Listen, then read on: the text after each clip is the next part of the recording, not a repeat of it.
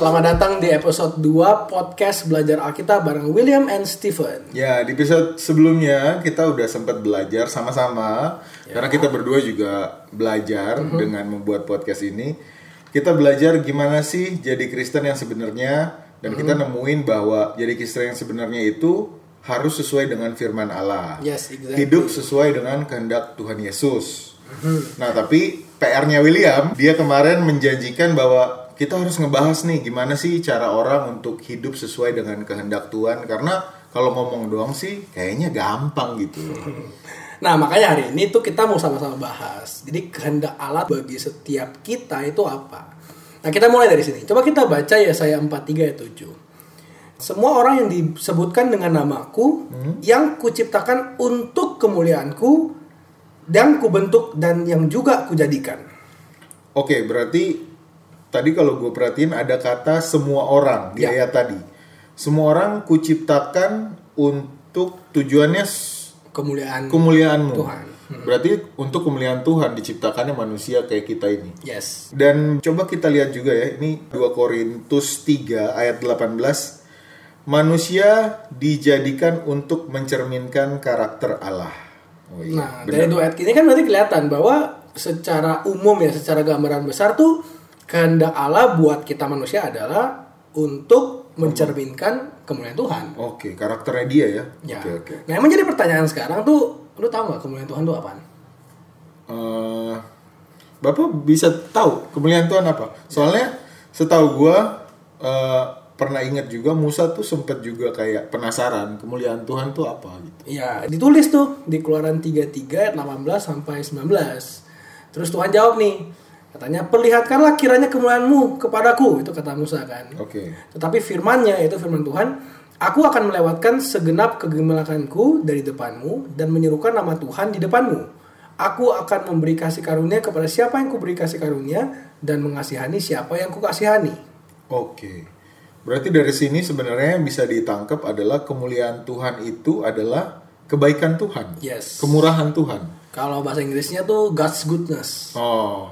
Jadi bisa kita rangkum lagi lebih kecil bahwa manusia diciptakan ke seluruh dunia untuk bisa menyebarkan eh, apa ya berita bahwa Allah itu baik. Ya. Allah itu penuh kasih karunia, kemurahan.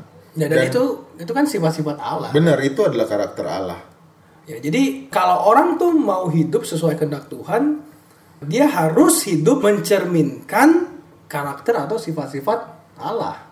Oke. Cuman men, masalahnya kita itu hidup di dunia yang sehari-hari kita ingin Iya. tahu kehendak Allah spesifik. Nah, yang kita mau cari tahu sekarang mungkin nggak sih ada kehendak Allah yang spesifik nih buat hidup lu, buat hidup gua, buat hidup teman-teman setiap hari.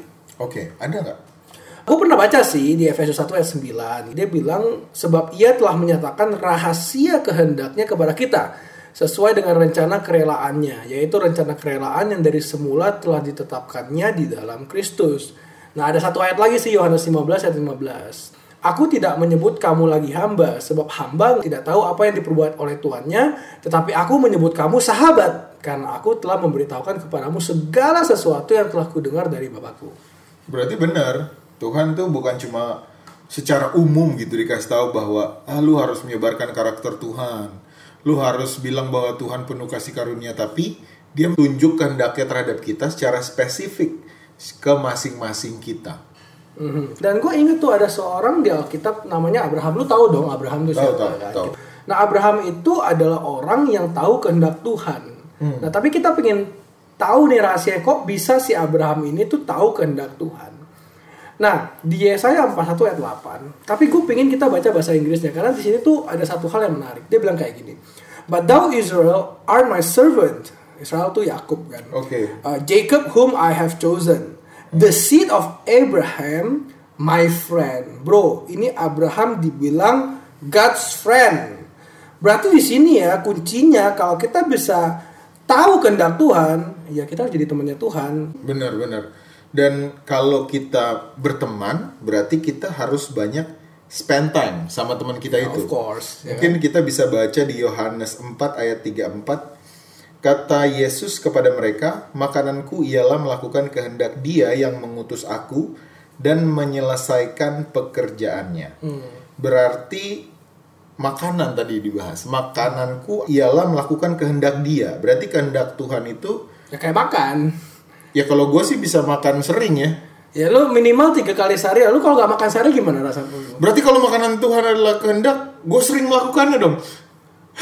Ya makan kan gitu. dia- dibilang kehendak Tuhan itu seperti makan bro Bukan juga sih Kalau makanya nasi kan bro Nasi, nasi, nasi. Iya. Tapi maksudnya adalah sering dilakukan. Makanan kan sebagai Ya, contoh. Minimal tiga sehari Lu kalau Tiga. makan gimana lapar Bener, bener, bener. puasa Berarti maksudnya itu ya kita harus sering-sering ketemu, Iya sering-sering ngobrol. Ini kan spend time gitu loh. Nah, coba kita buka deh Efesus 5 ayat 17. Sebab itu jangankanlah kamu janganlah kamu bodoh, tetapi usahakanlah supaya kamu mengerti kehendak Tuhan.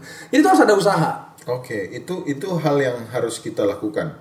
Ya, misalkan di Yesaya 50 ayat 4, setiap pagi ia mempertajam pendengaranku untuk mendengar seperti seorang murid. Kalau yang gue tangkap dari ayat di Efesus tadi bahwa lu jangan seperti orang bodoh, tetapi mengusahakan supaya mengerti kehendak Allah. Terus di Yesaya setiap pagi ia mempertajam pendengaranku. Allah mempertajam pendengaran si manusia yang mencari tahu kehendaknya. Berarti itu maksudnya adalah lu harus rajin-rajin baca Alkitab dan berdoa Exactly. makin sering kita berdoa dan baca Alkitab, berarti makin sering juga kita spend time sama Tuhan. Nah di situlah kita baru bisa tahu seperti apa sih kehendak Tuhan buat kita. Makanya kalau misalnya gue juga jarang sama lu, dari mana gue tahu lu suka makan martabak ya gak? Gila, bocorin. Aduh sorry sorry. Gue jadi bicara martabaknya. ya tapi kira-kira kayak gitulah ya. Oke, setelah kita baca Alkitab, karena gue dulu jarang baca Alkitab, gue nggak tahu faedahnya baca Alkitab apa. Mungkin Jadi sekarang lu sering tuh baca kita. Ya, nggak terlalu, tapi lumayan lah. Tapi maksudnya, kalau gue baca komik, gue mungkin ketawa. Kalau gue baca cerpen, gue dapat inspirasi. Kalau baca Alkitab, faedahnya kalau baca Alkitab em, ada sih di Mazmur gitu loh dibilang firmanmu itu pelita bagi kakiku dan terang bagi jalanku. Salah satunya itu ya kita lihat bahwa mata kita tuh bisa lebih dibuka. Bukan hanya itu tuh Alkitab kan jadi pedoman gitu buat Benar. kita. Terus kita juga eh, pernah baca nih 2 Timotius 3 ayat 16 sampai 17. Di situ kan dibilangin ya bahwa Alkitab itu diilhamkan Allah, diilhamkan itu bermanfaat buat mengajar, buat Oke. menyatakan kesalahan, memperbaiki kelakuan, mendidik orang. Nah, lu selama lu belajar Alkitab kayak gini baca-baca, lu udah merasa dididik belum sih atau dibetulin gitu? merasa sih, karena kan misalkan ayat Yohanes 15 ayat 11 gitu. Hmm.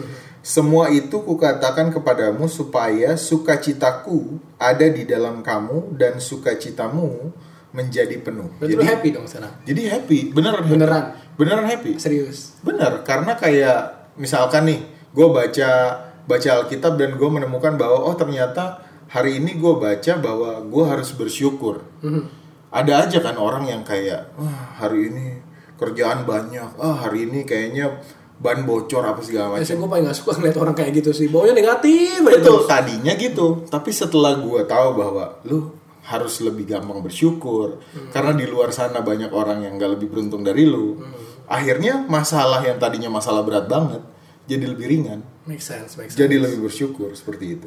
Hmm. Gue jadi ingat tuh ada satu ayat di Mazmur kan, Mazmur lagi nih. Mazmur 119 ayat 98. Perintahmu membuat aku lebih bijaksana daripada musuh-musuhku, sebab selama-lamanya itu ada padaku. Jadi memang kalau baca Alkitab tuh ya dari harusnya kita mengeluh jadinya happy. Oke. Terus jadi kelihatan memang kita jadi lebih bijaksana gitu kan. Benar benar benar. Jadi lebih ada apa ya? Kalau dibilang mungkin dewasa kali. Ya. Dan bukan cuma dewasa secara umur tapi dewasa dalam Tuhan kan lebih baik gitu. Mhm.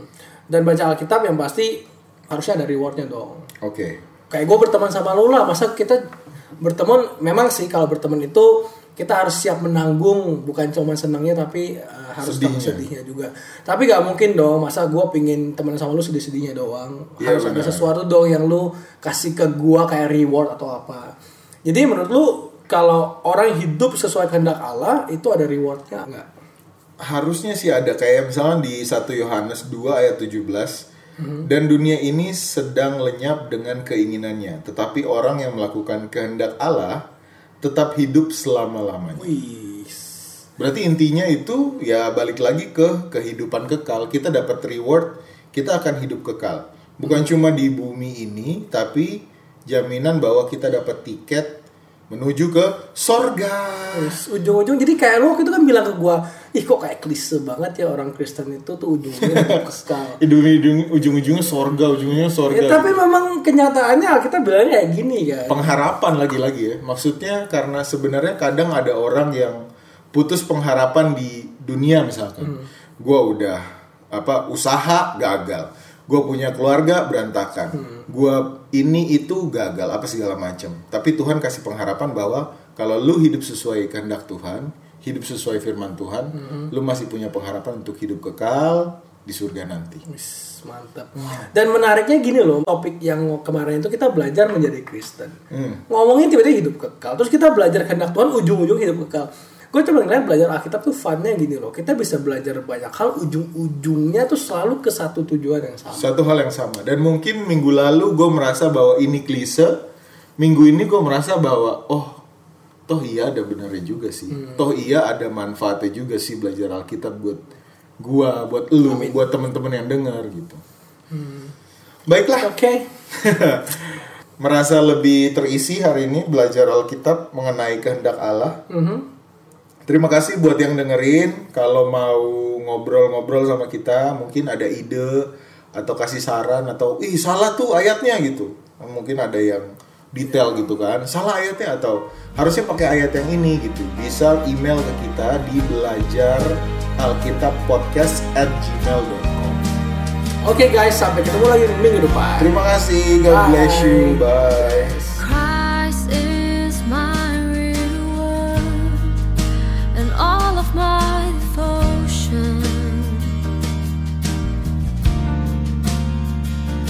Now there's nothing in this world that could ever say